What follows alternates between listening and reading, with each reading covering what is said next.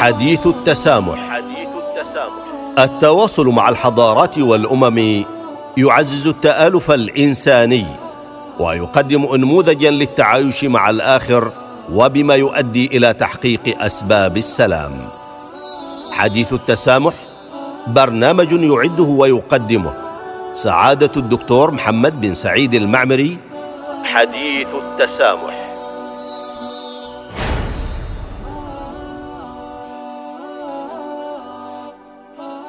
الحمد لله رب العالمين والصلاة والسلام على رسول الله الأمين وبعد. السلام عليكم ورحمة الله تعالى وبركاته.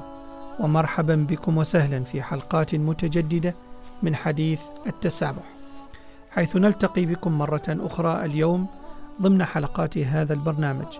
نكمل فيها الحديث حول قيم التسامح والحوار في المناهج العمانية. وأهمية ذلك لبناء المنظومة القيمية للأفراد في سلطنة عمان والتي تناولها الباحث سالم بن محمد المشيفري في بحث منشور بعنوان قيم التسامح والحوار والتنوع الثقافي في المناهج الدراسية العمانية. يؤكد الباحث بأن مفاهيم التسامح والحوار والتنوع الثقافي وغيرها من المفاهيم الإيجابية تحظى باهتمام واضح في المناهج الدراسية العمانية وذلك لبناء شخصية المتعلم العماني في تكامل وتوازن وتجعل منه مواطنا صالحا مفيدا لنفسه ومجتمعه ووطنه والعالم المحيط به. لذلك فقد تنوعت المناهج الدراسية العمانية وتكاملت فيما بينها عند معالجة هذه المفاهيم. فالمناهج الدراسية اعتمدت عند التطرق إلى هذه المفاهيم إلى تبني عدة مداخل تتناسب مع المستوى العمري والعقلي للمتعلم في مختلف المراحل التعليمية. وأولها مدخل الوحدات المستقلة وذلك بتخصيص وحدة دراسية كاملة في بعض الصفوف الدراسية لمعالجة هذه المفاهيم وتعزيزها بالوسائل اللازمة والأنشطة الداعمة التي تثري تعزيز هذه المفاهيم وأهميتها للمتعلمين. وثانيها المدخل القيمي وذلك من خلال تدريس قيم التسامح والحوار والقيم الإسلامية الأخرى والتنوع الثقافي بصورة غير مباشرة من خلال تناولها في مختلف الدروس. وثالثها المدخل اللغوي وذلك بتناول هذه المفاهيم من خلال تعليم اللغات فتدريس مادة اللغة الإنجليزية في سلطنة عمان من الصف الأول الأساسي أسهم بصورة فاعلة في هذا الموضوع حيث يتضمن منهاج اللغة الإنجليزية العديد من الدروس التي تتناول هذه الموضوعات. ويرى الباحث أن توجه سلطنة عمان نحو تدريس مادتي اللغة الألمانية واللغة الفرنسية كمواد اختيارية في الصفين الحادي عشر والثاني عشر سيسهم في إكساب المتعلمين مفاهيم الحوار والتنوع الثقافي عن طريق التعرف على هذه الثقافات وأهم ما تتضمنه من مضامين حضارية يمكن الاستفادة منها. ويورد الباحث سالم المشيفري نماذج لتضمين المناهج العمانية المفاهيم المتعلقة بموضوع التسامح والحوار والتنوع الثقافي. فمثلا مادة التربية والثقافة الإسلامية حيث ورد ضمن أهداف المادة تنمية قدرة المتعلم على التواصل بين الثقافة الإسلامية في مختلف الأقطار الإسلامية وبين الثقافات الأخرى، وإكساب مهارات واتجاهات الحوار الإيجابي واحترام الرأي الآخر، وإكساب المتعلم أخلاقيات المسلم الصالح الداعي إلى ترسيخ مبادئ السلام وسلوك التسامح وتقبل النقد الإيجابي. والاستماع إلى الرأي الآخر والتعايش مع الآخرين في ضوء التعاليم الإسلامية. وقد انعكست مضامين هذه الأهداف في الكتب الدراسية لمختلف المراحل الدراسية لهذه المادة فعلى سبيل المثال في الصف الثامن الوحدة الثالثة عنوان الإسلام دين السلام حيث احتوت هذه الوحدة على نصوص وأنشطة توضح أن الإسلام دين السلام وأصل الدعوة الإسلامية سلمي تدعو للاعتراف بالآخر وتحرم الاعتداء على الآخرين وتوصي بالوفاء بالمعاهدات والمواثيق الصف الحادي عشر الوحدة الأولى مبادئ إسلامية تتضمن نصوصا وأنشطة توضح مفهوم التسامح في معاملة الآخرين حتى وإن أساءوا في معاملتهم. ومادة اللغة العربية حيث تركز هذه المادة على إكساب الطالب للمهارات اللغوية المختلفة التي تمكنه من استخدام اللغة العربية للتواصل مع الآخرين والاستماع لآرائهم وأفكارهم والتعبير عن آرائهم بكل حرية وإيجابية.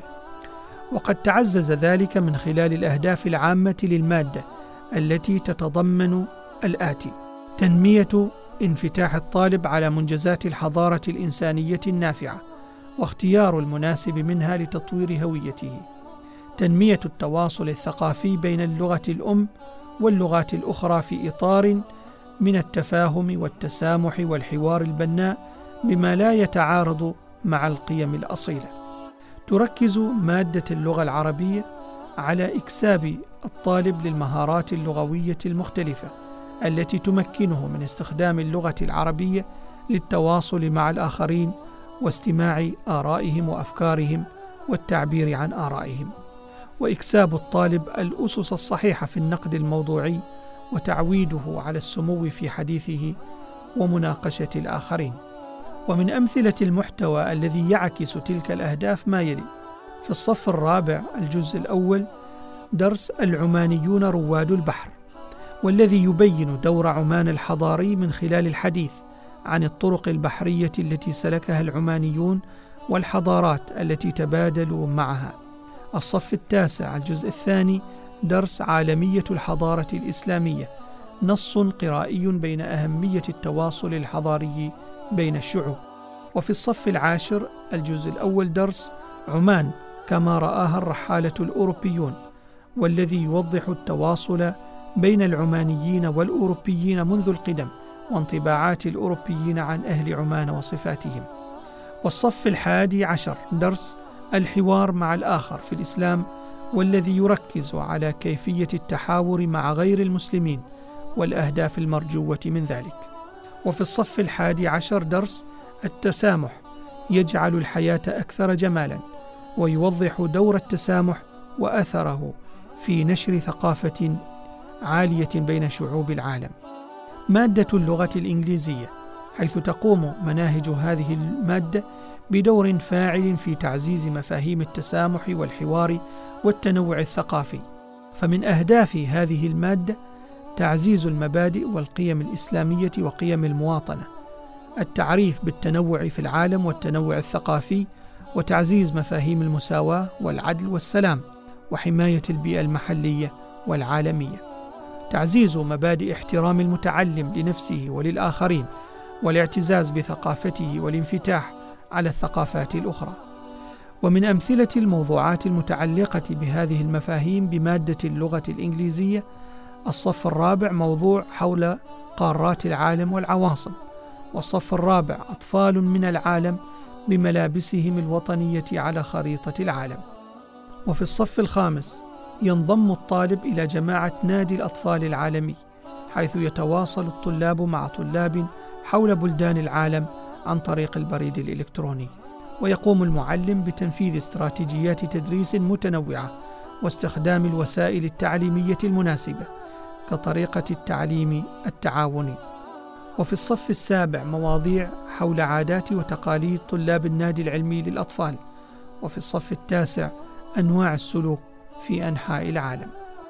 أما في مادة الدراسات الاجتماعية فإن هذه المادة تلعب دورا مهما في بناء الإنسان وذلك من خلال طرح الموضوعات التي تهم مختلف مجالات الحياة. وهذا ما نتج من خلال الأهداف العامة للمادة كالاعتزاز بالمنجزات الحضارية لسلطنة عمان وتراثها الثقافي والحضارة العربية الإسلامية واحترام وتقدير قيم ومبادئ التعايش السلمي والتعاون بين الأمم والشعوب في العالم والتفاعل بين الثقافات والأمم والشعوب الأخرى. وتنمية إدراك المتعلم لأهم الأحداث التاريخية الوطنية والعربية والإسلامية والعالمية والنتائج التي تترتب عليها.